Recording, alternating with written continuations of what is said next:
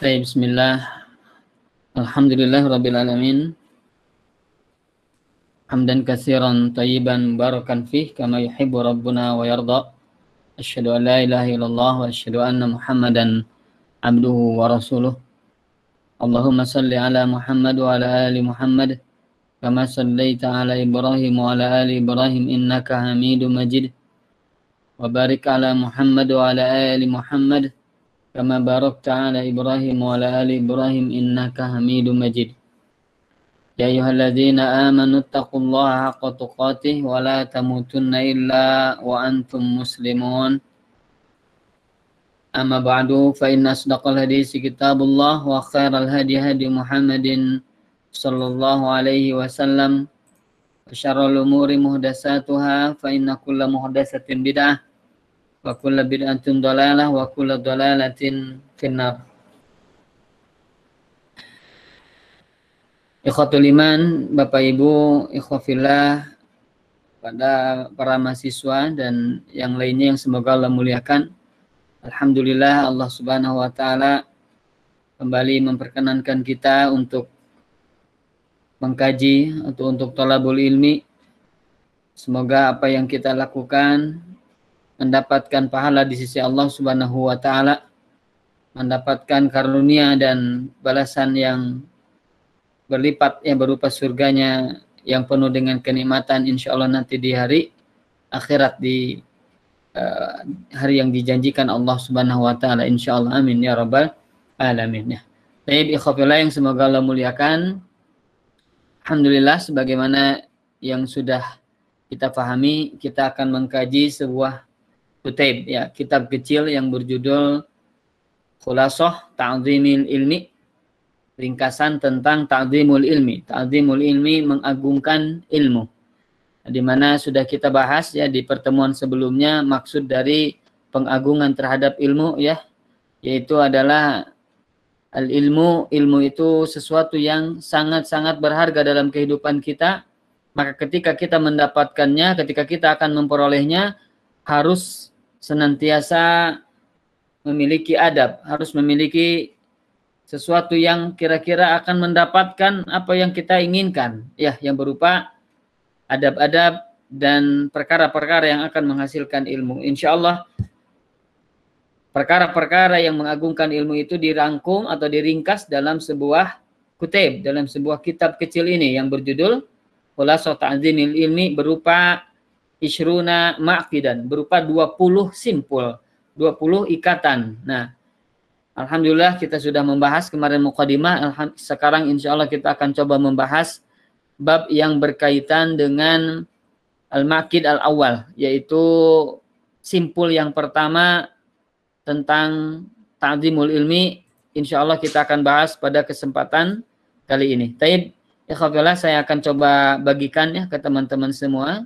Bapak Ibu semua, ke ikhwan akhwat semua tentang materi yang akan kita bahas di kesempatan malam ini insya Allah. Taib. Nah, di sini musannif ya Syekh Salih Al-Utsaimin ya, beliau menjelaskan atau beliau menulis ya Al-Maqid Al-Awwal. Al-Maqid Al-Awwal. Al-Maqid itu ikatan atau simpul. Al-maqid al-awal simpul yang pertama, simpul yang awal. Nah, simpul awal, ikatan yang pertama dalam rangka ta'zimul ilmi, dalam rangka mengagungkan ilmu, agar ilmu itu benar-benar meresap ke dalam jiwa kita dan agar ilmu itu nanti bisa kita amalkan. Di mana yang pertama ini adalah tathiru wi'ail ilmi. Nah, tathir dari toharo yutahiru tathiran yaitu mensucikan. Mensucikan atau membersihkan. Wi'a il ilmi. Wi'a itu wadah, ya, tempat untuk tempat untuk sesuatu, ya, wadah atau bejana, ya. Tadhiru wi'a'i al ilmi, ilmu. Jadi membersihkan wadahnya ilmu. Tempatnya ilmu. Nah, apa tempat ilmu? Di sini wahuwal qalbu uh, yaitu qalb qalbu itu adalah hati nurani hati nurani Saya tidak akan membahas ya bab yang berkaitan dengan kolbu karena ini panjang ya. Jadi intinya kolbu adalah hati nurani. Kalau fisiknya berupa jantung, ya fisiknya berupa jantung. Tapi jantung ini memiliki uh, makna yang lebih dalam dari sekedar fisik.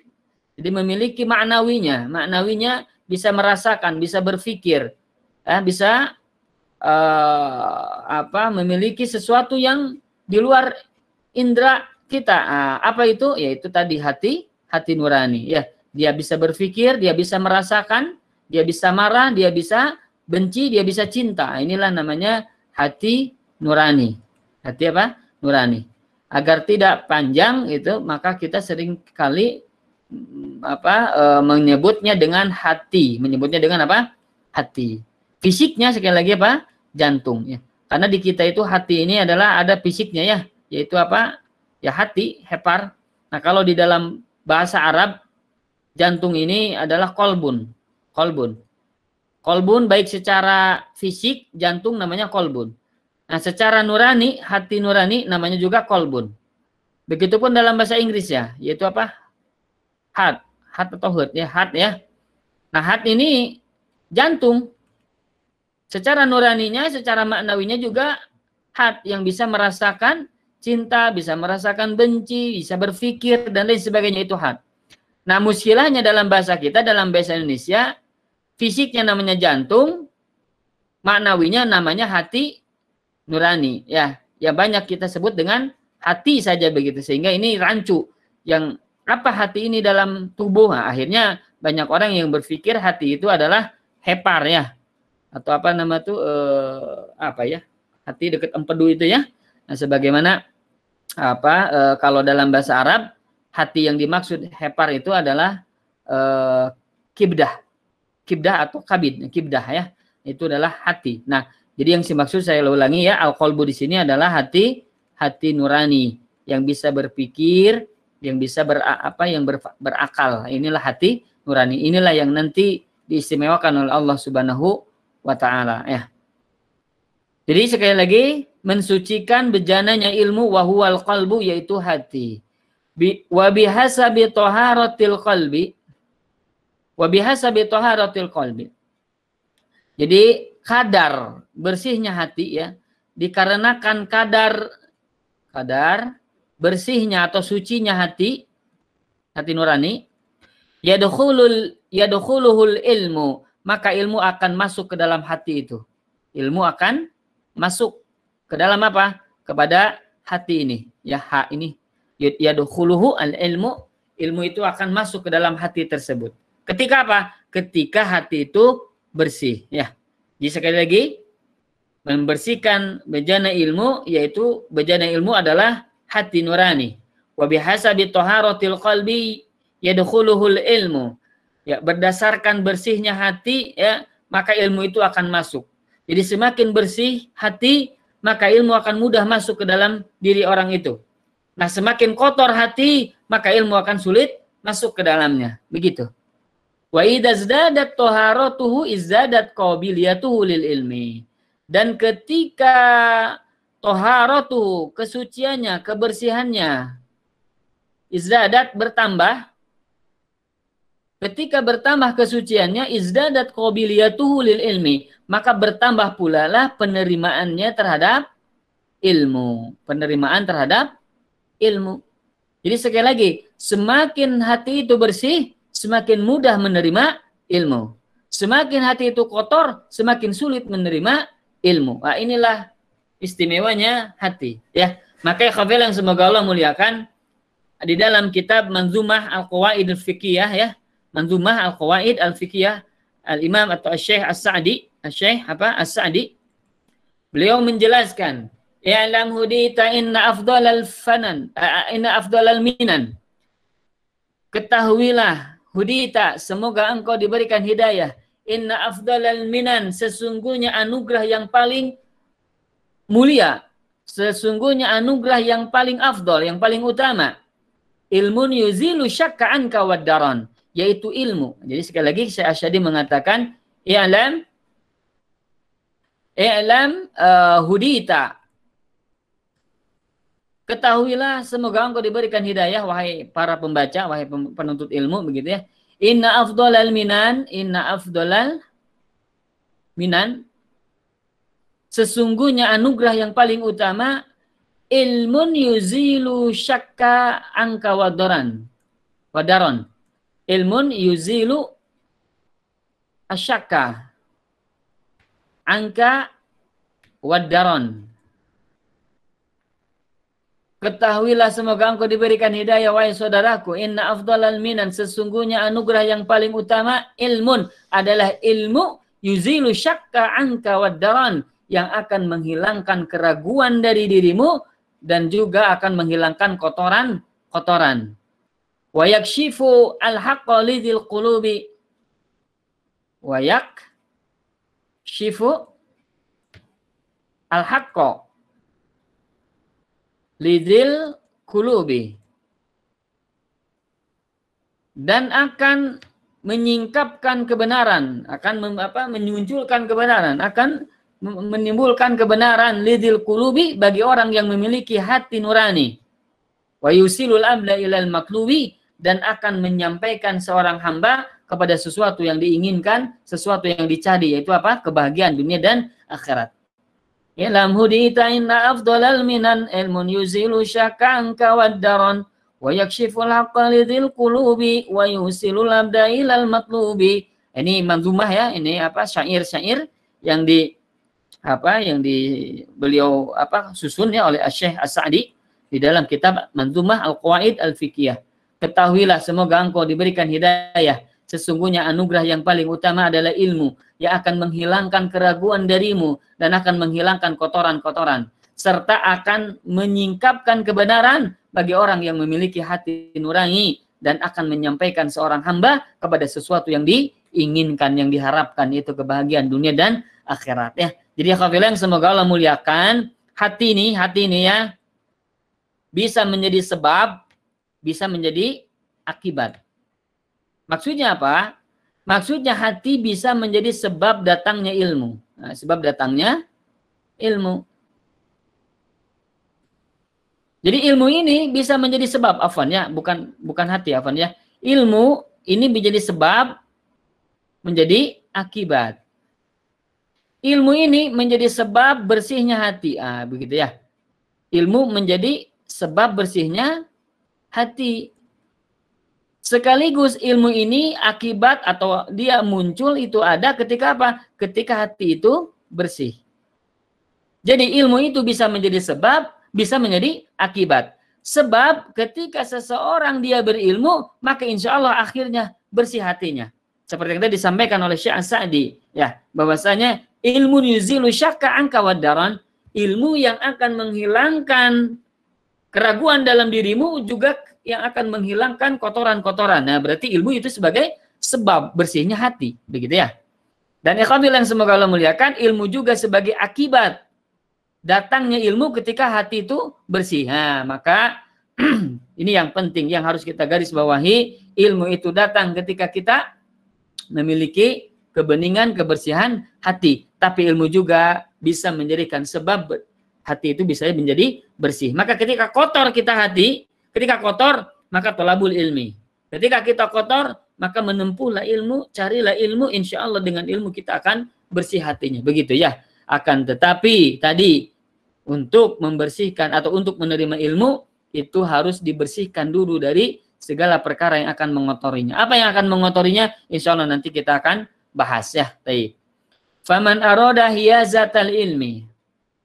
Faman aroda. Barang siapa yang menginginkan Yazatal ilmi. Yazah itu nala ya. Barang siapa yang menghendaki, ingin memperoleh ilmu, fal yuzayyin batinah. Maka hiasilah, nah, ini hiasilah. Batinahu, batinnya. Jadi barang siapa yang menginginkan untuk memperoleh ilmu, maka hendaklah ia hiasi hatinya.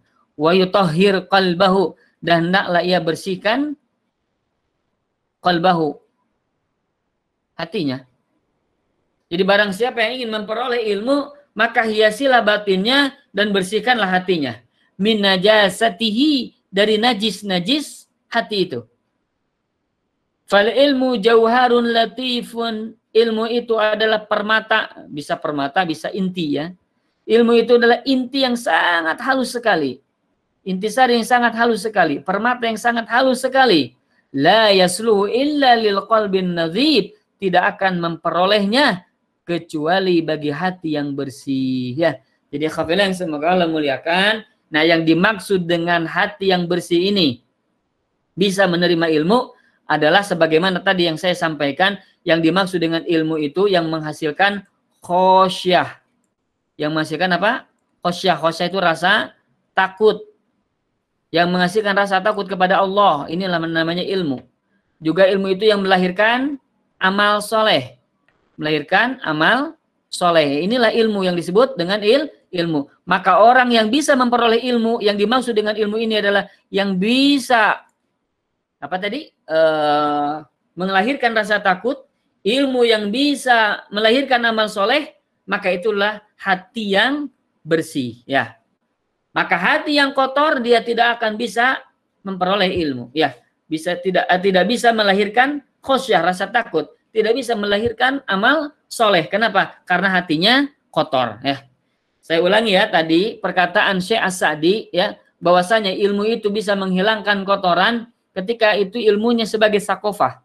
Jadi ketika kita tahu bahwasanya misalnya yang menjadikan kita uh, dibenci oleh Allah Subhanahu wa taala ketika kita mengetahui ketika kita mengetahui atau kita ketika bermaksiat ya. Jadi misal contoh ya, contoh ini, contoh.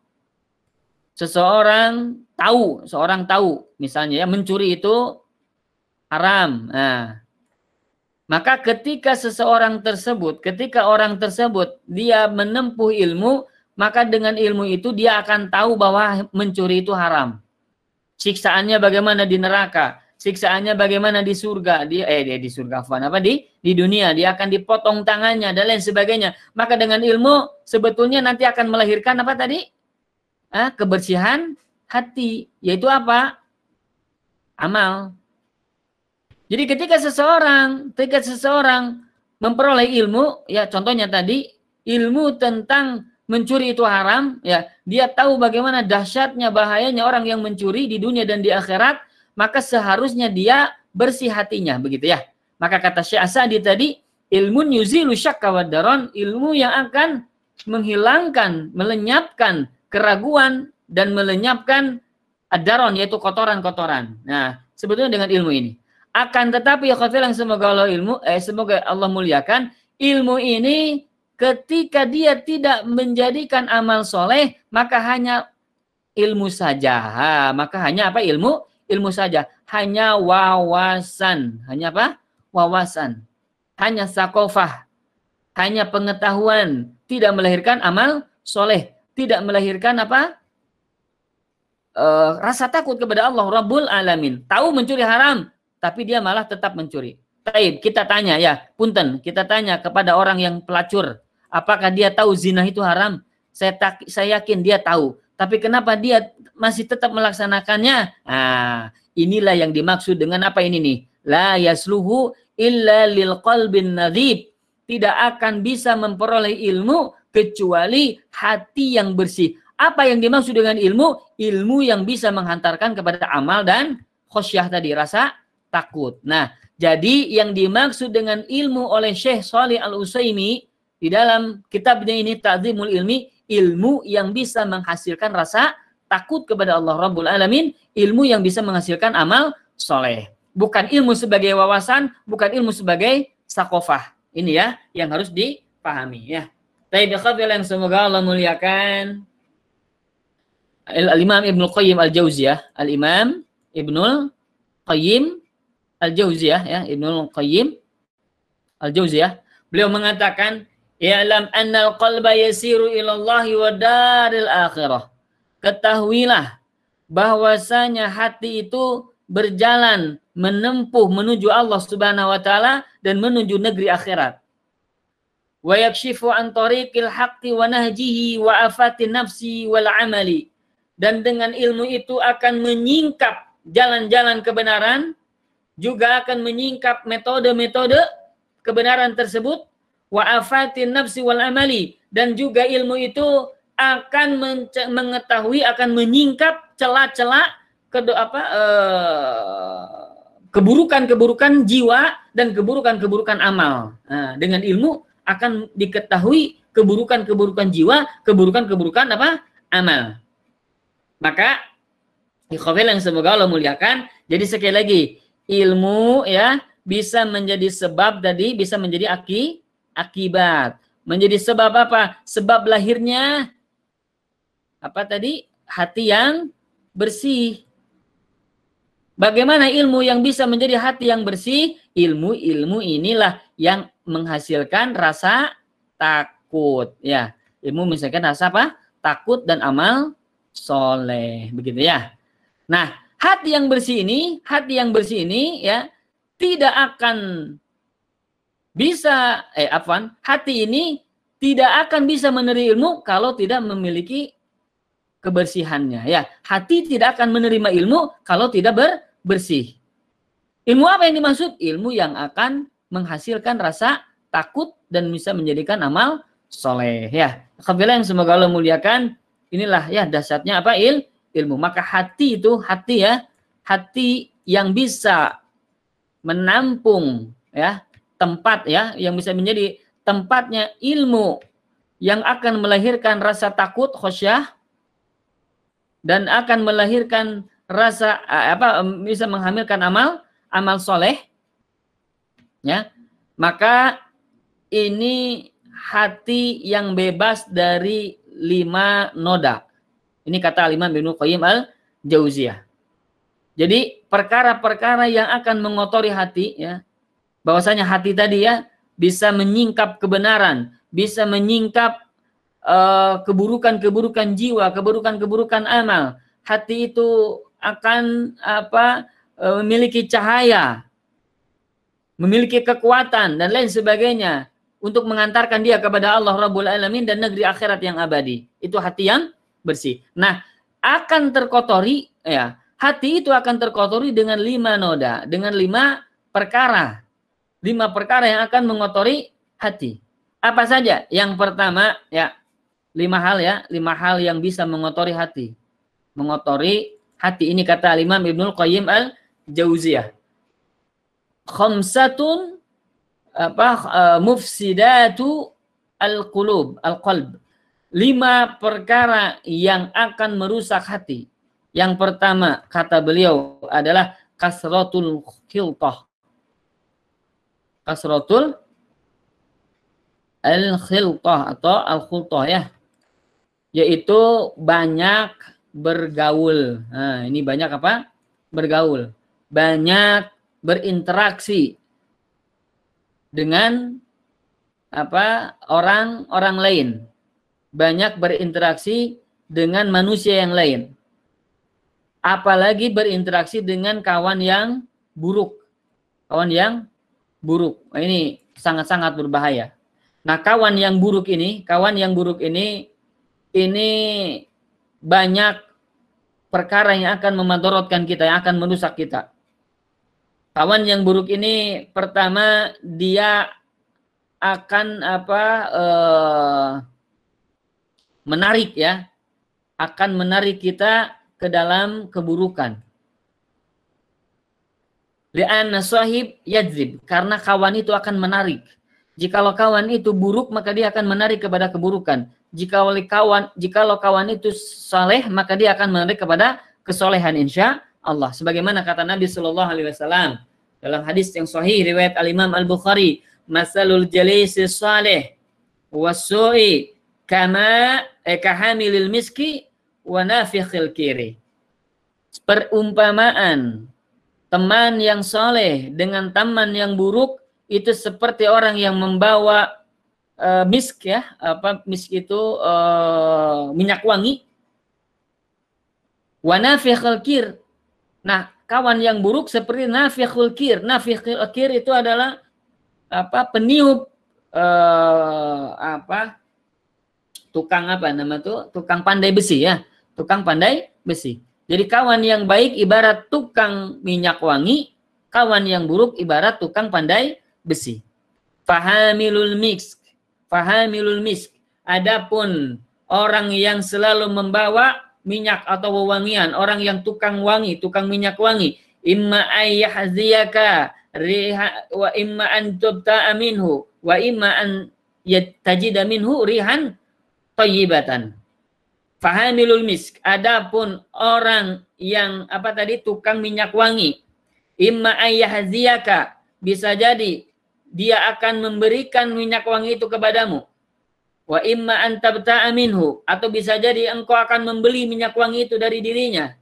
Wa imma antajida minhu rihan thayyibatan atau engkau bisa mem, apa, mendapatkan wanginya dari minyak wangi tersebut. Ya, kalau kita bergaul dengan orang yang suka minyak wangi, bisa jadi kita diberikan oleh orang itu. Ini buat kamu. Nah, kan begitu. Atau bisa jadi kita membeli darinya tentang minyak wangi tersebut. Ya, kita beli misalnya satu atau dua botol. Nah, kemudian yang ketiga atau kita mendapatkan minyak wangi tersebut ya hanya setetes atau dua tetes insya Allah kita akan kebagian minyak wangi tersebut. Itu kata Nabi Shallallahu Alaihi Wasallam. Itu kawan yang soleh. Wa nafikhul kir. Pun tukang pandai besi ya imma an yukhriqas yabaka bisa jadi dia akan membakar bajumu. Misalkan karena kan selalu ada di depan api begitu ya maka nanti bajumu bisa terbakar olehnya begitu. Wa imma antajidarihan khabisatan dan bisa jadi engkau akan mendapatkan bau yang tidak enak ya dari asap-asapnya tadi ya.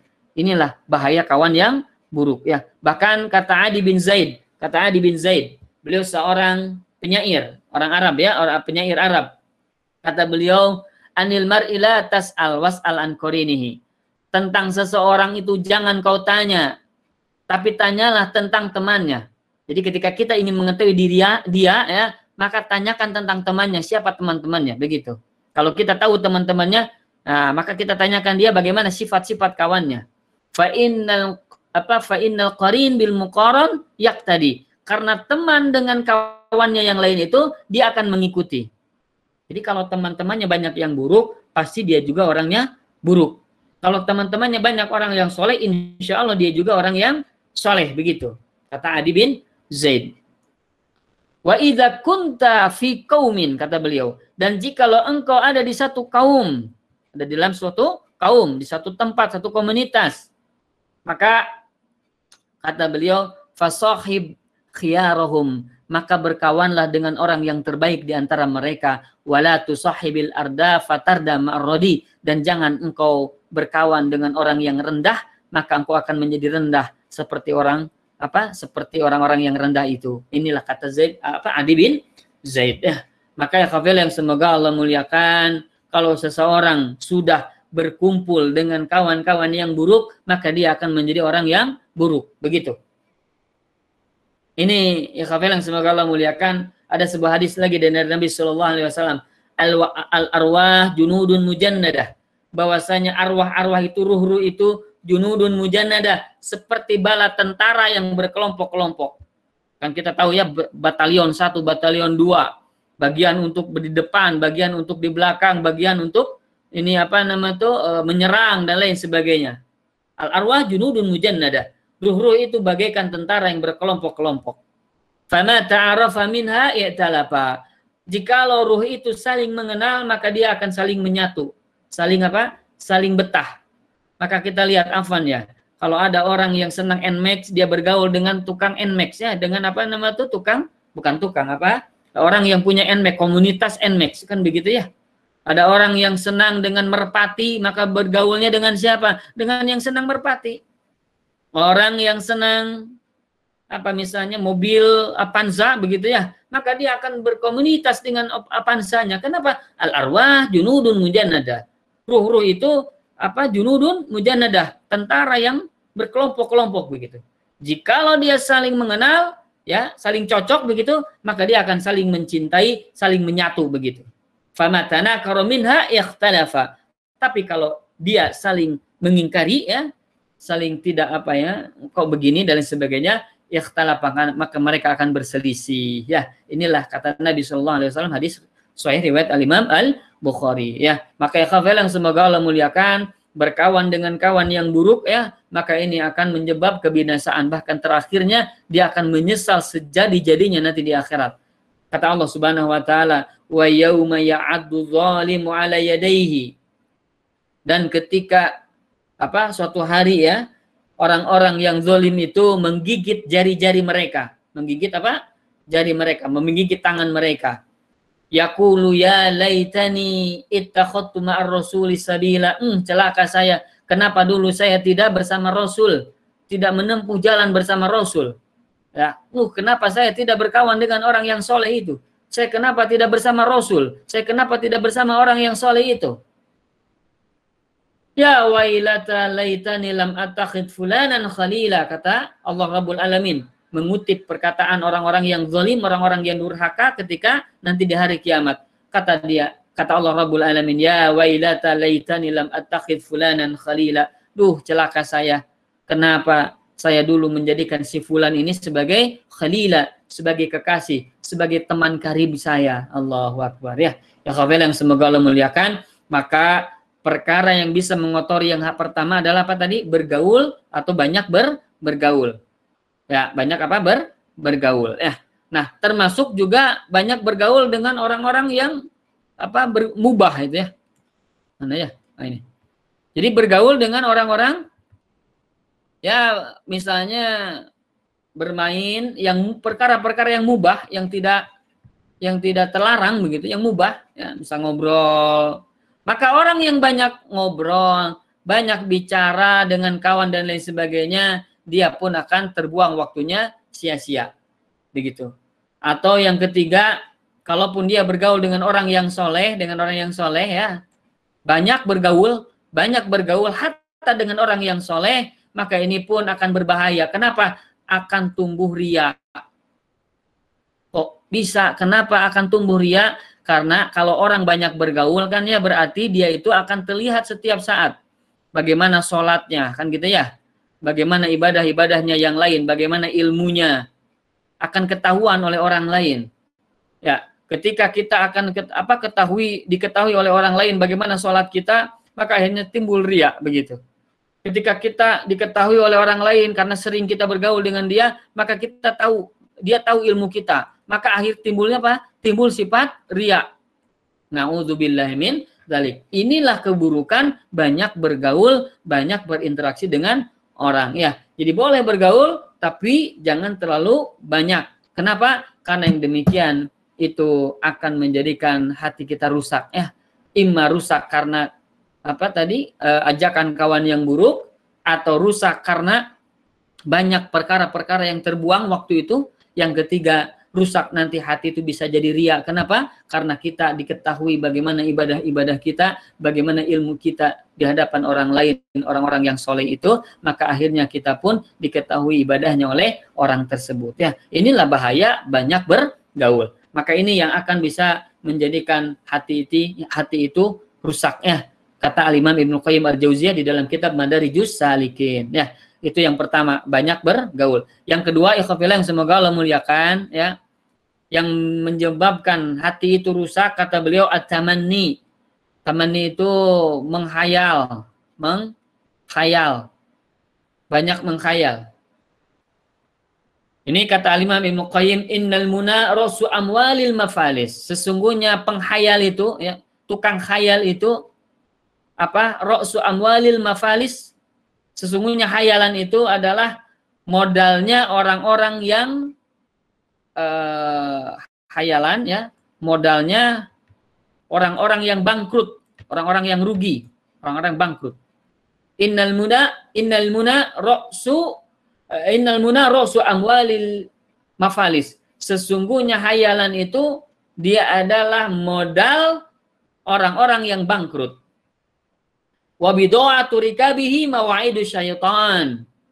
Dan barang dagangannya ya, barang dagangannya adalah mawaidu syaitan, janji-janji setan. Nauzubillah dalik ya. Jadi khayalan itu adalah apa tadi? Modalnya orang-orang yang bangkrut. Jadi orang yang bangkrut modalnya itu apa? Khayalan. Modalnya adalah khayalan. Dan barangnya yang diperjualbelikan apa itu? adalah janji-janji setan waliyadu billah waliyadu billah. Nah, kami yang semoga Allah muliakan apa ini yang dimaksud dengan berkhayal? adalah berkhayal itu sesuatu ya keinginan tanpa amal. Nah, satu keinginan tanpa amal. Berhayal masuk surga, eh, berhayal masuk surga tanpa beramal. Berhayal mendapatkan kebahagiaan dunia akhirat tanpa bekerja keras. Berhayal diampuni tapi tidak pernah bertobat. Inilah namanya tamanni, berhayal. Maka orang yang seperti ini, ah nanti juga akan diampuni. Ah nanti juga akan apa misalnya masuk surga. Nauzubillahimin dalik. Maka orang yang seperti ini, ini adalah janji-janji setan. Seperti orang yang dia tidak pernah meng, apa, men, men, menanam benih, tidak pernah menyiram benih tadi, ya tidak pernah merawat tanaman itu, maka dia tidak akan pernah menghasilkan panen. Tapi dia berkhayal, berkhayal dan berkhayal. Apa yang ada? Maka yang ada adalah kelaparan dan kesulitan. Ya, maka ikhafil yang semoga Allah muliakan. Yang kedua yang akan merusak hati itu adalah atamani berkhayal, banyak mengkhayal, banyak bab dunia. Nah, ini hati, hati-hati. Yang ketiga, ya, yang ketiga bahwasanya yang akan merusak hati ya, kata Imam Ibnu Qayyim Al-Jauziyah ya. Yang ketiga adalah uh, di antara min musif min mufsidatil qalbi di antara perkara yang akan merusak hati yang ketiga at-ta'alluq bi ghairillah yaitu bergantung kepada selain Allah Subhanahu wa taala. Kita bergantung kepada atasan, kita bergantung kepada uang, kita bergantung kepada perkara-perkara selain Allah Subhanahu wa taala dalam mendapatkan kebahagiaan. Maka orang yang seperti ini maka dia akan binasa. Ini akan mengotori hati bergantung kepada alat, bergantung kepada perkara-perkara selain Allah Subhanahu wa taala, maka yang demikian itu akan merusak hati ya. At-ta'alluq bi ghairillah, bergantung kepada selain Allah, kepada atasan, kepada siapa lagi misal tadi kepada uh, bos ya, kepada orang-orang yang kira-kira kita bisa mendapatkan keuntungan-keuntungan, kepada orang kaya, kepada orang pintar dan lain sebagainya. Kita bergantung kepada mereka. Itulah salah satu akan merusak hati kita, merusak keikhlasan, merusak kekuatan hati mendapatkan apa anugerah dari Allah Subhanahu wa taala. Itu yang ketiga. Bismillah.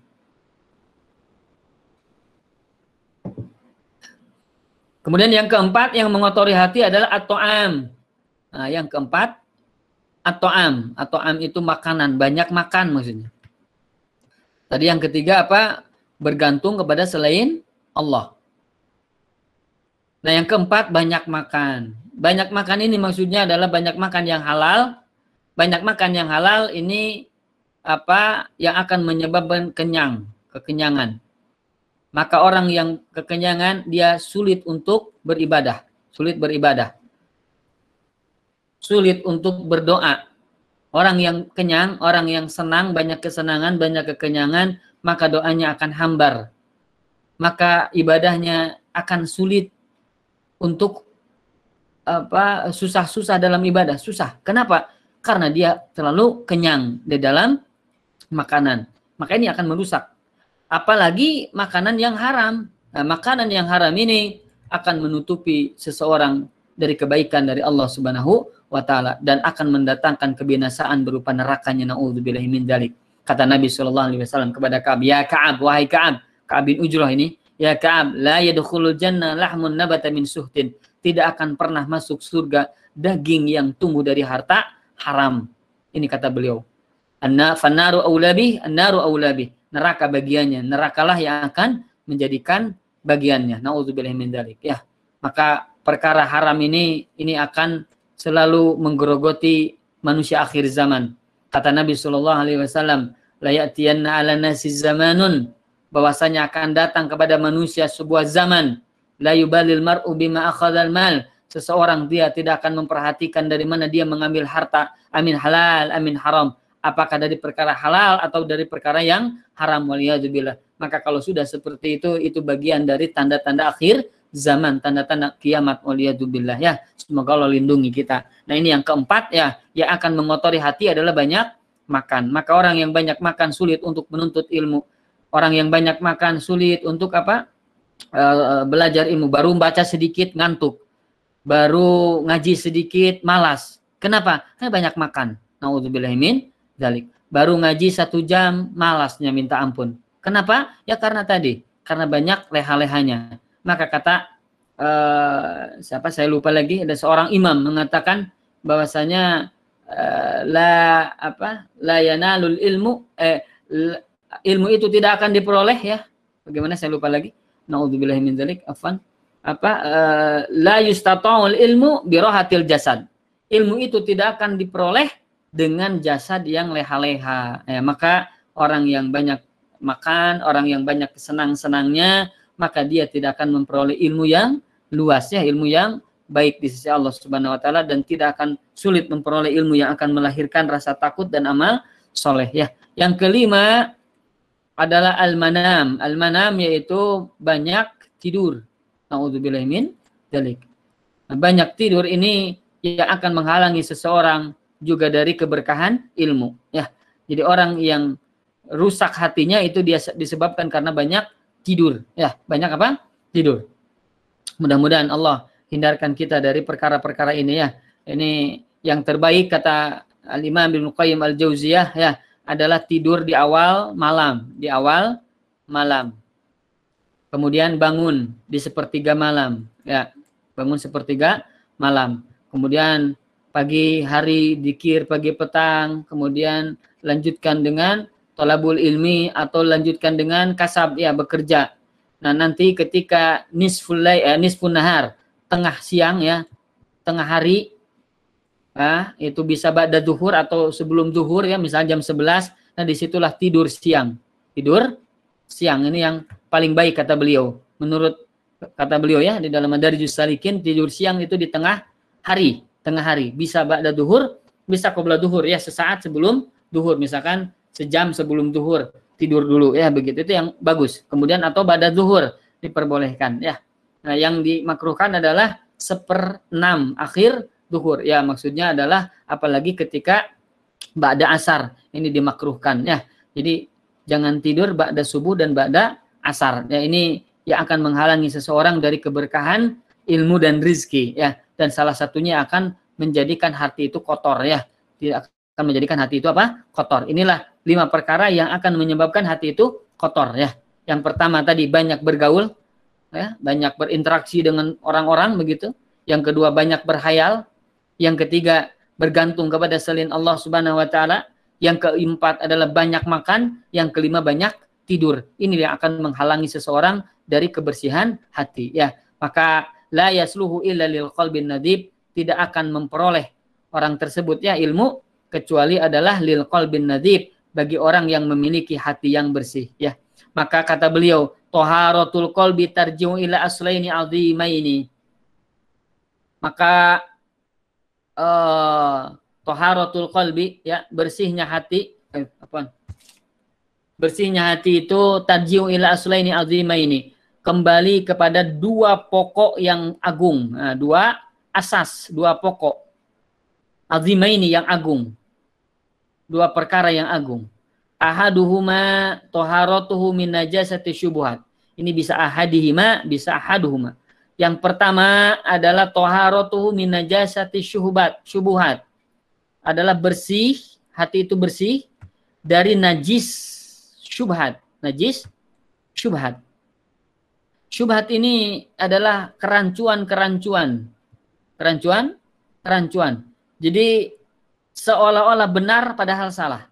Seolah-olah baik padahal salah. Nah, syubhat di sini kata para ulama adalah al-kufru subhat eh apa? Jadi di antara subat itu al-kufru, kekufuran. Di antara subat juga adalah al-asyirku, kesyirikan. Di antara subat juga al-ma'siyatu, al-ma' al-ma'siyah. Kemudian di eh afan afan, al-ma'siyah itu tidak ya. Asyirku, kemudian uh, al-bid'atu ya, al-bid'atu, al-bid'ah, kebid'ahan, kebid'ahan. Kekufuran, kesyirikan, kebidahan. Ini adalah syubhat-syubhat yang akan mengotori hati. Seolah-olah benar padahal salah. Ini kesyirikan, kekufuran dan kebidahan. Ya, seolah-olah ini adalah kebenaran mengucapkan salam kepada atau apa eh, mengucapkan selamat hari Natal, mengucapkan selamat hari uh, nyepi dan lain sebagainya. Ini kekufuran-kekufuran. Ini adalah syubhat-syubhat. Nah, ketika seperti itu, maka orang tidak akan bisa mengamalkan ilmu dengan benar. Dia tidak akan memperoleh ilmu yang akan menghasilkan al-khusyah, tidak akan pernah menjadikan atau memperoleh ilmu yang akan menghasilkan amal soleh. Demikian juga asyirku, kesyirikan-kesyirikan. Banyak orang-orang yang beriman ya, akan tetapi dia melakukan kesyirikan-kesyirikan, sesajen-sesajen. Dia takut tabaruk kepada pohon, tabaruk kepada kuburan, kesyirikan-kesyirikan ini adalah merupakan subhat-subhat yang akan menghalangi ilmu. Ya, yang ketiga al bidah itu kebidahan-kebidahan, pemikiran-pemikiran yang salah, pemikiran-pemikiran yang keliru. Ya, ikhwafil yang semoga Allah muliakan. Nah, ketika seseorang ya dia eh, apa senantiasa melakukan kebidahan-kebidahan, maka hati itu tidak akan sulit menerima eh, hati itu akan sulit menerima ilmu ya. Wal akhar dan yang selainnya yang kedua taharatuh min najasati syahwat, bersih dari najis syahwat. Inilah maksiat. Mak maksiat ya. Maksiat apa ya? Berupa zina. Maksiat harta, tahta, wanita. Ya, kalau laki-laki ya, kalau perempuan ya pria. Harta, tahta, pria. Harta, harta, tahta, wanita. Inilah syahwat yang akan menenggelamkan seseorang ke dalam kebinasaan waliyadu billah ya. Maka untuk menjadikan memperoleh ilmu yang bersih, ilmu yang akan menghasilkan rasa takut dan amal soleh, membersihkan hati kita dari syubhat. Maka jauhi perkara-perkara yang akan melahirkan syubhat. Jauhi kekufuran dan pemikirannya. Jauhi kesyirikan dan pemikirannya. Jauhi kebidahan dan pemikiran-pemikirannya serta orang-orangnya. Inilah yang harus kita jauhi. Yang kedua adalah membersihkan dari najis syahwat. Yaitu siapa? Ya dari kemaksiatan-kemaksiatan. Zina. Apa kemudian tadi? Eh, perkara-perkara yang maksiat yang akan mendatangkan kemurkaan dari Allah Subhanahu wa taala dan kita harus menjauhi orang-orang yang pelaku pelaku maksiat tersebut. Kenapa? Karena ketika kita dekat, dia akan mengajak kita ke dalam kemaksiatan. Ya. Kemudian wa idza kunta tastahi min nadhari makhluqin misliki mislika ila wasakhi saubika dan jikalau engkau tastahi malu min nadhari makhluqin dari pandangan makhluk. Ish. Jikalau engkau afan eh Jikalau engkau malu terhadap pandangan makhluk, penglihatan makhluk, mislika sepertimu, maksudnya manusia ya. Jikalau engkau malu kepada manusia yang sepertimu itu, seperti kita yaitu manusia, jikalau engkau malu kepada mereka, ila wasakhi saubika karena kotornya bajumu, jikalau engkau malu karena bajumu kotor ya oleh manusia ya, engkau malu kepada manusia karena bajumu kotor, engkau malu kepada manusia karena e, rambutmu compang-camping, engkau malu kepada manusia karena engkau memiliki cacat begitu apa keburukan, fastahi min nazarillahi ila qalbika, maka malulah kepada pandangan Allah Subhanahu wa taala ila qalbika kepada hatimu. Nah, Allah memandang kita kepada apa? Hati kita. Jikalau kita malu kepada manusia karena kotornya baju kita, maka kita harus lebih malu kepada Allah karena kotornya hati kita begitu.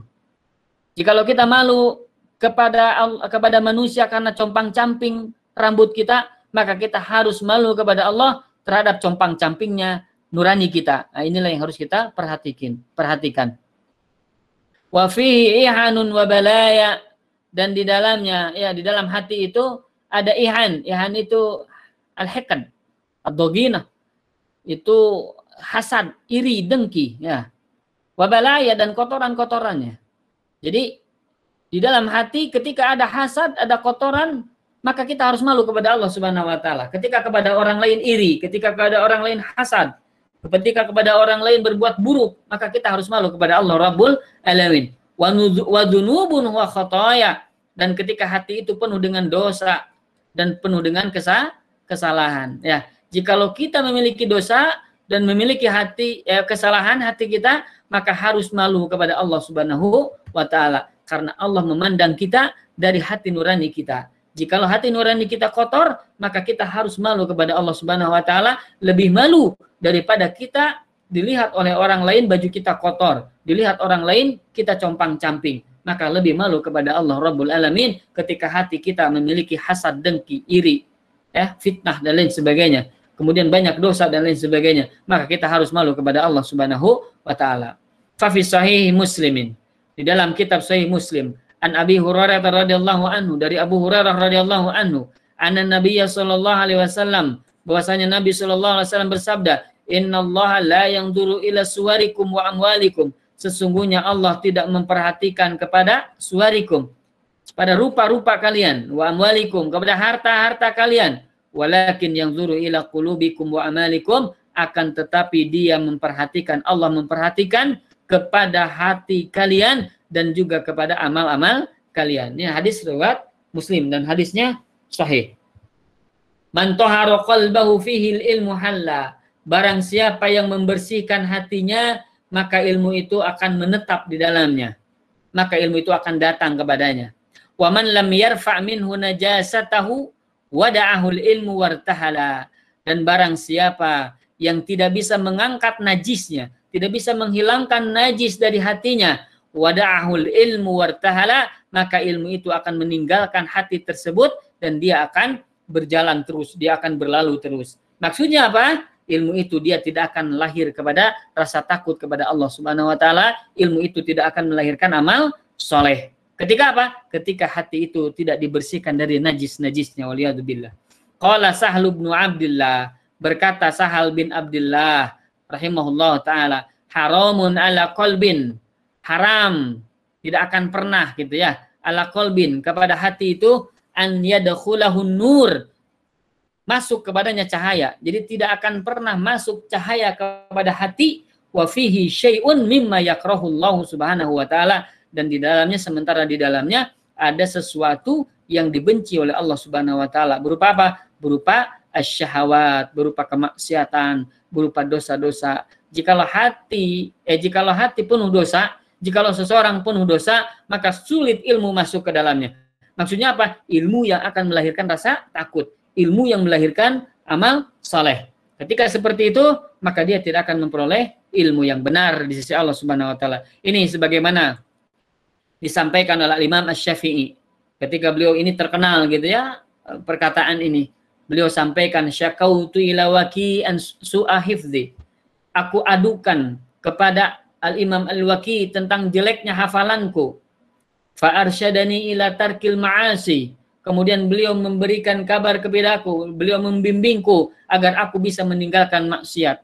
Fa akhbaruni bi anna Allah bi anna ilma bi anna ilma nurun dan beliau memberitahukan kepadaku bahwasanya ilmu itu adalah cahaya wa nurullahi la yuhdalil asi dan cahaya Allah itu tidak akan pernah diberikan kepada orang yang ahli maksiat ya jadi akhafilan semoga Allah muliakan maka orang yang akan memperoleh ilmu adalah orang yang bersih hatinya dari syubhat dan dari syahwat. Ya, orang yang akan memperoleh ilmu adalah orang yang jauh dari lima perkara tadi. Ya, yang sebagaimana disampaikan oleh Imam Ibnu Qayyim al Jauziyah, ya, juga yang disampaikan oleh Syekh Saleh Al Utsaimin tadi bersih dari syubhat, bersih dari syahwat. Semoga Allah Subhanahu wa taala menjadikan kita orang-orang yang senantiasa bisa memperoleh ilmu yang bermanfaat ilmu yang menghantarkan rasa takut kita kepada Allah, ilmu yang akan menghantarkan kepada amal soleh, ilmu yang akan menghantarkan kita kepada surganya Allah Rabbul Alamin, ilmu yang akan menjauhkan kita dari nerakanya Allah Subhanahu wa taala insyaallah amin ya rabbal alamin. Tapi Bapak Ibu yang semoga Allah muliakan, ikhwan akhwat yang semoga Allah muliakan, itu saja yang bisa disampaikan. Mudah-mudahan bermanfaat ya khususnya bagi saya dan umumnya dari eh, bagi teman-teman dan kawan Bapak Bapak Ibu semua. Semoga Allah istiqomahkan kita dalam tolabul ilmi dan menjadikan ilmu yang bermanfaat, ilmu yang akan melahirkan khusyah, ilmu yang akan melahirkan rasa takut, ilmu yang melahirkan amal soleh insyaallah amin ya rabbal alamin. Taib itu saja yang bisa disampaikan. Saya kembalikan kepada moderator untuk memandu acara selanjutnya. Wallahu a'lam. Demikian. Alhamdulillah alamin. Uh, jazakumullah khairan pada Ustaz Saiful Rahmat. Uh, insya Allah selanjutnya kita akan uh, masuk ke sesi tanya jawab. Alhamdulillah di sini sudah ada dua pertanyaan. Uh, yang pertama Uh, Ustaz, bagaimana cara mengurangi noda hati yang berupa banyak makan dan banyak tidur, sementara makan dan tidur diperlukan untuk mendukung aktivitas. Tahu Ustaz. Apa? Afan? Kurang kedengaran? Gimana? Bagaimana cara mengurangi noda hati berupa banyak makan dan tidur, sementara makan dan tidur diperlukan untuk mendukung aktivitas, Ustaz. Oh ini ya apa tadi pertanyaannya ini ya oh ya ada di di chat ya. Iya Ustaz. Bagaimana cara mengurangi noda hati berupa banyak makan dan banyak tidur? Sementara makan dan tidur diperlukan untuk mendukung aktivitas. Ah, taib, benar sekali ya. Kita tidak akan bisa uh, beraktivitas tanpa makan dan istirahat dan tidur. Ya. Nah, yang dimaksud yang tadi adalah banyak. Ya, kalau banyak berarti aktivitas kita bisa jadi uh, lebih dari setengah kehidupan kita, ya, apakah dua per tiga atau lebih itu dipakai untuk makan atau tidur. Misalnya begini Pak atau Bu ya. Sekarang jam 7 makan Pak. Nanti jam 10 makan lagi. Duhur makan lagi. Misal begitu ya. Nah kalau sudah seperti ini, inilah yang akan mengotori hati dan dia akan sulit beribadah. Jadi ketika kenyang ya, ketika dia itu banyak makan, maka justru yang ada adalah sulit beribadah. Coba saja. Coba saja kita banyak makan, coba bandingkan bagaimana ketika kita saum. Insya Allah justru ketika saumah justru akan lebih semangat dalam beribadah insya insya Allah ya jadi bapak ibu yang semoga Allah muliakan yang tadi disampaikan ya tidur makan itu adalah perkara yang penting ya dalam kehidupan kita tidak boleh kita tidak makan tidak boleh kita tidak tidur ya kata Nabi Shallallahu Alaihi Wasallam Inna alaika apa e, sesungguhnya bagimu adalah ada hak. Inna alaika hakun. Sesungguhnya bagimu ada hak Wali ahli kahakun dan bagi keluargamu ada hak. Maksudnya apa? Kita harus memenuhi hak kita sebagai individu. Untuk apa? Untuk tidur, untuk makan begitu. Untuk istirahat. Dan juga untuk keluarga ada hak apa? Ya untuk bercengkrama dengan anak istri, bercengkrama untuk bermain dengan mereka, ada hak. Begitu ya. Dan dan bagi Allah pun ada hak, ya. Innalillahi alaika hakun. Bagi Allah pun ada hak untuk beribadah dan lain sebagainya. Nah, ketika makan minum ini tidak seimbang, maka kita tidak bisa mencapai atau mener, apa, memberikan hak yang baik kepada Allah, baik kepada manusia, baik kepada diri kita, baik kepada keluarga. Ketika apa? Ketika tidak seimbang antara apa tadi? Banyak makan dan banyak tidur khususnya kepada Allah Subhanahu wa taala ya. Jadi yang tadi saya sampaikan garis bawahi terlalu banyak makan, terlalu banyak tidur. Misalnya sudah tidur gitu ya, sepertiga malam, nanti paginya tidur lagi, siangnya apa eh, agak pagi-paginya jam 10 tidur lagi, pada duhur tidur lagi, sore tidur lagi. Maka yang seperti ini akan menghalangi dari keberkahan hidup dan justru akan menghalangi dari amal soleh dan akan mengotori hati kita sehingga sulit untuk beramal soleh ya. Wallahu alam. Ini kata tadi Al Imam Ibnu Qayyim al-Jauziyah ya wallahu a'lam. Demikian. Selanjutnya ada pertanyaan kedua Ustaz. Uh, ini pertanyaannya agak panjang tapi mungkin singkat, Anda coba singkat. Baik, nggak uh, apa-apa saya baca aja ya. Oh ya Ustaz. Tafadhol Ustaz. Bagaimana solusinya saat kita dihadapi hidup berdua bersama adik yang mana kami sudah lama tinggal oleh ibu sehingga adik kami pun sulit untuk patuh kepada kakak-kakaknya gitu ya.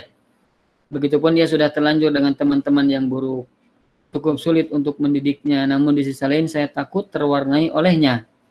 Dan bagaimana cara menyayanginya di samping ia tidak mau mendengar saat diberi nasihat, dan juga ia tidak mau mendengar saat diberi nasihat, dan juga ia tidak ingin membangun komunikasi yang baik di saat kami memulai dengan baik. Terutama bagaimana caranya ia lepas dari teman yang buruk. Karena setelah ayah wafat, ia semakin berani membawa nginap ke rumah di sisi lain ada rasa ingin cepat berpisah dengannya atau menyerahkannya ke kakak yang lain.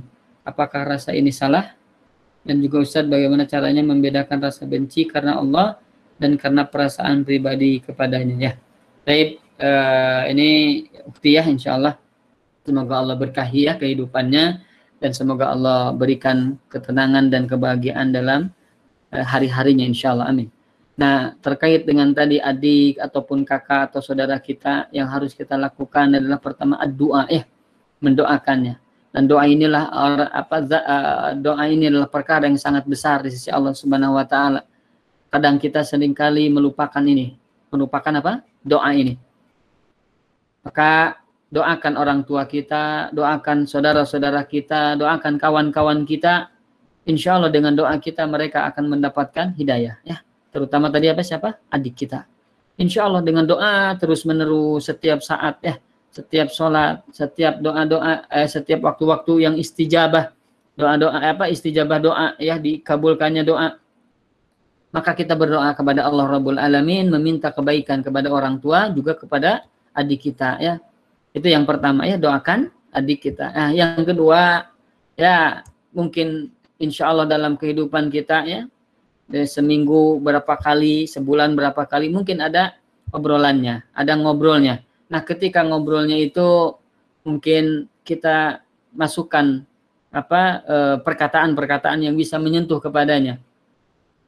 Maka sampaikan kepadanya D misalkan begitu ya. Eh, Masya Allah doakan mama sama bapak gitu ya atau siapa tadi ya orang tua lah yang sudah meninggal itu kita minta doa kepadanya. Kita meminta kepadanya mendoakan beliau ayah dan ibu ya.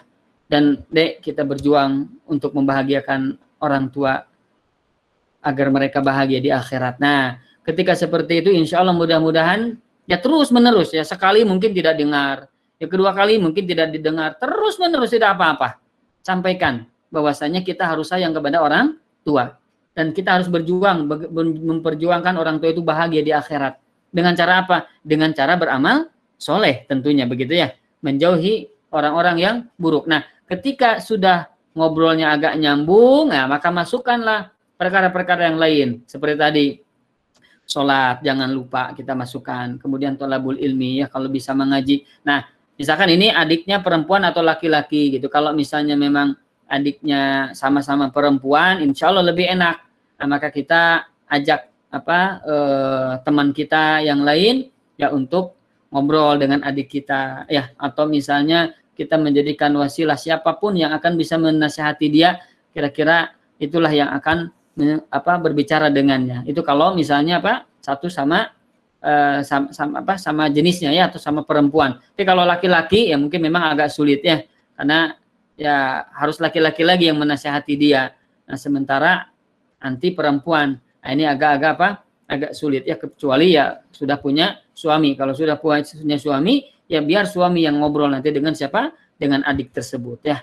Nah, insya Allah dengan obrolan ya memang sulit, tapi satu dua kali tiga kali mungkin tidak menerima beliau itu. Tapi camkanlah setiap kita terus mencoba dengan kebaikan, kita memberikan kebaikan-kebaikan kepadanya, insya Allah lama kelamaan dia pun akan luluh. Uti yang ketiga, nah ini yang ketiga yang paling penting, berikan kebaik, kebaikan kepadanya. Kesol apa nama tuh e, sesuatu yang bisa membuatnya senang. Misalkan uang kita berikan uang atau hadiah-hadiahnya jangan uang lah ya, hadiah-hadiah dan sebagainya. Nah lama kelamaan dia akan terenyuh insya Allah. Jadi ketika kita banyak memberi, maka ketika kita ada butuh sesuatu dari dia, dia akan apa e, menanggapi kita insya Allah. Ketika itulah kita akan masukkan apa dakwah, kita masukkan nasihat dan lain sebagainya. Semoga Allah mudahkan ya. Nah, yang paling penting tadi nomor satu adalah doa ya. Jadi akafilah ya khususnya eh apa tadi yang bertanya ya mudah-mudahan Allah berikan kepada kita dan keluarga kita senantiasa orang-orang termasuk orang-orang yang soleh ya insya Allah orang-orang yang akan menjadikan kita dan orang tua kita menjadi orang yang bahagia dunia dan akhirat ya. Saya doakan semoga uh, yang bertanya ya dan adiknya mudah-mudahan dan kita semua mudah-mudahan mendapatkan hidayah dari Allah Rabbul Alamin, mendapatkan kebaikan dan senantiasa istiqomah untuk beramal soleh. Amin ya rabbal alamin. Ya demikian wallahu a'lam.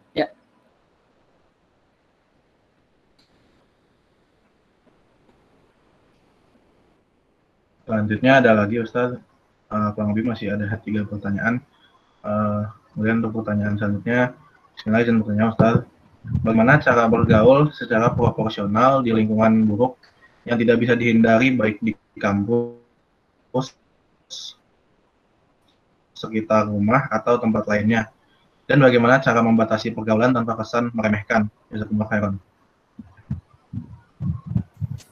Ya, baik. Jadi masuknya tidak banyak bergaul bukan berarti sama sekali tidak bertatap muka, tidak ngobrol, tidak apa nama tuh, tidak uh, berinteraksi dengan mereka. Bukan itu yang dimaksud ya.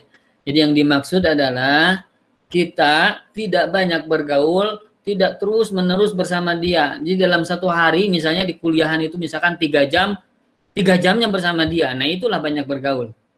Dalam tiga jam kuliah, ketika dua jam, nah itulah kita banyak bergaul. Ya kalau misalnya kita saya hello, ngobrol sedikit sesaat, ya justru kita perlu untuk seperti itu dalam rangka apa? Mendakwahi. Jadi berikan kebaikan kepada mereka. Ya, afan ya. Ya ketika dulu ya, ketika teman-teman atau saya sendiri pun dulu ya ketika melihat orang yang solehnya tidak dekat dengan kita ya, maka kita akan merasa uh, saya mah ada kotor, tidak pantas ditemani oleh dia. Ah, jangan pula seperti itu. Jangan pula apa? Nanti ada image seperti itu. Oh, tetap bergaul, ketawa ketiwi, nggak apa-apa. Tapi tidak setap sepanjang waktu terus bersama dia. Itu maksudnya. Ya. Tapi kalau misalnya bergaul, ngobrol atau tentang kuliah dan lain sebagainya itu perlu perlu dekat dengan kita, dengan mereka. Ya dalam rangka apa? Dalam rangka takliful kulub, dalam rangka mendekatkan hati kita, nah, ketika itu nantilah kita akan masukkan dakwah. Kita ajak, kita culik, nah, kita acak, culik ya, kita ajak ke kajian, kita ajak ke tempat-tempat yang akan bermanfaat bagi dirinya, begitu. Jadi harus sepertinya, bukan sepertinya, harus apa sebaiknya untuk bergaul dengan mereka, tapi ingat sekali lagi jangan terlalu banyak bergaul. Jadi sekali lagi seperti makan dan minum, apa makan dan tidur, yang dimaksud dengan bergaul juga adalah banyak banyak bergaul ya. Maka tadi saya uh, Imam Ibnu Qayyim itu kasrotul, kasrotul adalah terlalu banyak. Terlalu banyak bergaul, terlalu banyak makan, terlalu banyak tidur. Nah, ini yang muskilah ya. Maka ikhwafil yang semoga memuliakan ya.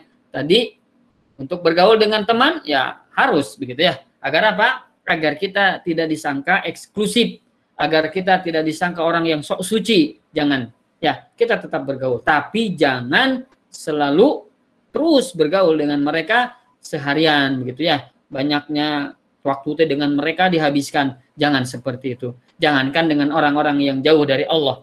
Orang-orang soleh pun tadi kan untuk sangat-sangat banyak bergaul dihindari. Kenapa? Karena itu ada keburukannya. Ya, salah satunya apa?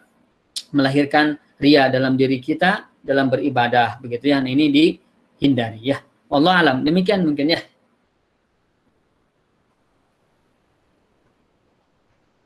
Kemudian ada lagi Ustaz uh, pertanyaan mengenai bid'ah.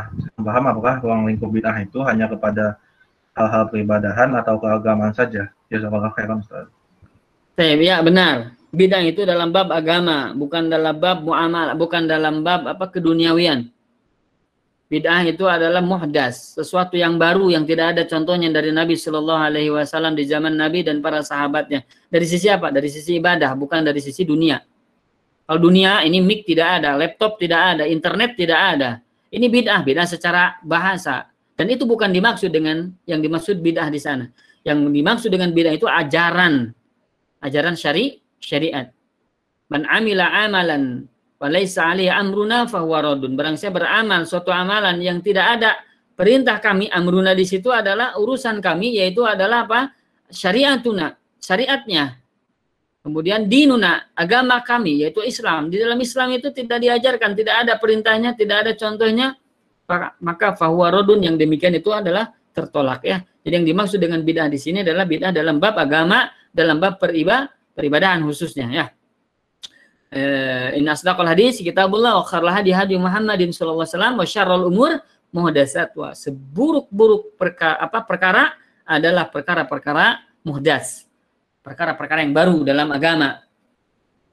Wa syarrul wa syarrul umur muhdatsat wa kullu muhdatsatin bidah dan setiap perkara-perkara baru itu adalah bid'ah ya. Jadi ini yang harus kita pelajari di dalam bab akidah insyaallah ini nanti akan diajarkan bid'ah i'tiqadiyah, ada bid'ah amaliyah ya. Ada bid'ah i'tiqad ada bid'ah keyakinan ada bid'ah amal. Dan ada juga bid'ah bid'ah pemikiran. Ini harus kita jauhi ya. Tapi wallahu alam. Demikian mungkin. Kemudian insyaallah uh, pertanyaan terakhir Ustaz untuk malam ini. Uh, Bismillah Ustaz. Selain menghindari lima perkara yang dapat mengotori hati dari yang sudah disebutkan bagaimana lagi cara kita untuk membersihkan hati dari najis-najis syubhat dan syahwat. Jazakallahu khairan. Ya. Baik, kata orang yang lain dalam rangka membersihkan hati adalah kasrotu tilawatil Quran wa tadabburiha. Memperbanyak baca Al-Quran dan mentadaburinya. Jadi banyak baca Quran dan apa men? mentadaburinya. Begitu pula membanyak banyak membaca hadis ya dan mengetahui kandungan-kandungan isinya. Itu salah satu yang akan apa? Eh, membersihkan hati kita ya. Nah, hati itu kan eh Quran itu adalah pembersih kan? Obat hati. Wa nazilu minal Qur'ani ma huwa syifa'u wa rahmatul mu'minin. Dan kami turunkan Al-Quran itu sebagai apa? Syifa. Syifa itu obat. Ya. Warahmah. Dan juga apa? Kasih sayang. Lil mu'minin bagi orang-orang yang beriman. Ya. Maka tidak ada jalan yang terbesar untuk membersihkan hati kecuali dengan Al-Quran. Ya. Jadi Al-Quran inilah yang akan membersihkan hati kita. Maka memperbanyak tilawahnya dengan mentadaburinya. Kita perhatikan artinya. Kita memperhatikan maknanya insya Allah akan menyerap ke dalam hati dan itu akan membersihkan hati kita dari keburukan-keburukan syahwat, keburukan-keburukan syubhat insya Allah ya. Kemudian kata para ulama lain lagi ya untuk membersihkan hati adalah apa uh, ihya ulail menghidupkan malam. Maksudnya apa? Salat salat malam. Kita perbanyak insya Allah. Mudah-mudahan itulah yang akan melembutkan hati ya. Kenapa? Ketika seseorang bangun malam maka dia akan ter, ter, ter terlatih keikhlasannya kepada Allah Subhanahu wa taala. Maka ketika sudah seperti itu, maka hatinya insya Allah akan bersih ya. Yang diharapkan dari Allah dan Rasulnya serta negeri akhirat ya. Maka dunia tidak akan dia pikirkan lebih dalam ya. Wallah alam. Demikian mungkin ya. Ikhwan semoga Allah muliakan. Ya, kesimpulannya apa yang tadi disampaikan ya bahwa ilmu yang akan kita peroleh dengan hati yang bersih adalah ilmu yang akan melahirkan rasa takut, ilmu yang akan melahirkan amal soleh, bukan hanya wawasan, bukan hanya sakofah. Ya. Maka perlu hati yang bersih, perlu hati yang bersih. Jadi ilmu itu ada dua ya, ilmu secara sakofah, ilmu secara amal soleh. Nah ilmu secara sakofah itu insya Allah akan membersihkan hati. Jadi yang membersihkan hati ilmu secara sakopah, ilmu secara wawasan, ilmu secara pengetahuan, yang demikian dosa, yang demikian tidak boleh, yang demikian akan mendatangkan ini dan itu dan lain sebagainya. Itu ilmu secara sakofah. Nanti ada ilmu secara khosyah, ilmu secara amal soleh. Nah, ilmu secara wawasan ini akan membersihkan hati. Dan nanti hati yang bersih akan melahirkan ilmu, ilmu yang secara khosyah, ilmu secara amal soleh. Ya. Maka ikhafil yang semoga Allah muliakan, yang dimaksud di sini tathiru wi'ail ilmi. Membersihkan bejananya ilmu adalah apa? Ilmu yang akan melahirkan rasa takut, ilmu yang akan melahirkan amal soleh ya. Semoga Allah subhanahu wa ta'ala anugerahkan kita ilmu yang bermanfaat. Rabbi zidni ilman. Allah mudah-mudahan tambahkan kepada kita ilmu ya. Warzukni fahman dan juga warzukna fahman dan juga berikan rizki kepada kita pemahaman ya. Dan mudah-mudahan Allah ajarkan kepada kita perkara-perkara yang bermanfaat bagi kita dan memberikan apa yang kita inginkan memberikan apa yang kita uh, kehendaki berupa kebahagiaan dunia dan akhirat. Semoga Allah mudahkan kita menempuh jalan-jalan kebaikan. Semoga Allah mudahkan kita untuk menempuh surganya yang penuh dengan kenikmatan dan mudah-mudahan Allah anugerahkan kelak kita ketika kita sudah meninggal ketika nanti di akhirat. Semoga Allah Subhanahu wa taala memasukkan kita ke dalam surganya yang penuh kenikmatan. Insyaallah amin. Ya rabbal alamin. Nasihat bagi saya dan kawan-kawan istiqomah dalam ilmu istiqomah dalam amal soleh. Semoga Allah masukkan kita ke dalam golongan hamba-hamba yang soleh yang akan mendapatkan surganya kelak di akhirat amin ya rabbal alamin ya. Tapi itu saja mungkin ya yang bisa disampaikan. Benarnya dari Allah Ta'ala, salahnya dari saya dan dari setan. Semoga Allah ampuni. Aku lu qouli hadza wa astaghfirullah li walakum. Assalamualaikum warahmatullahi wabarakatuh.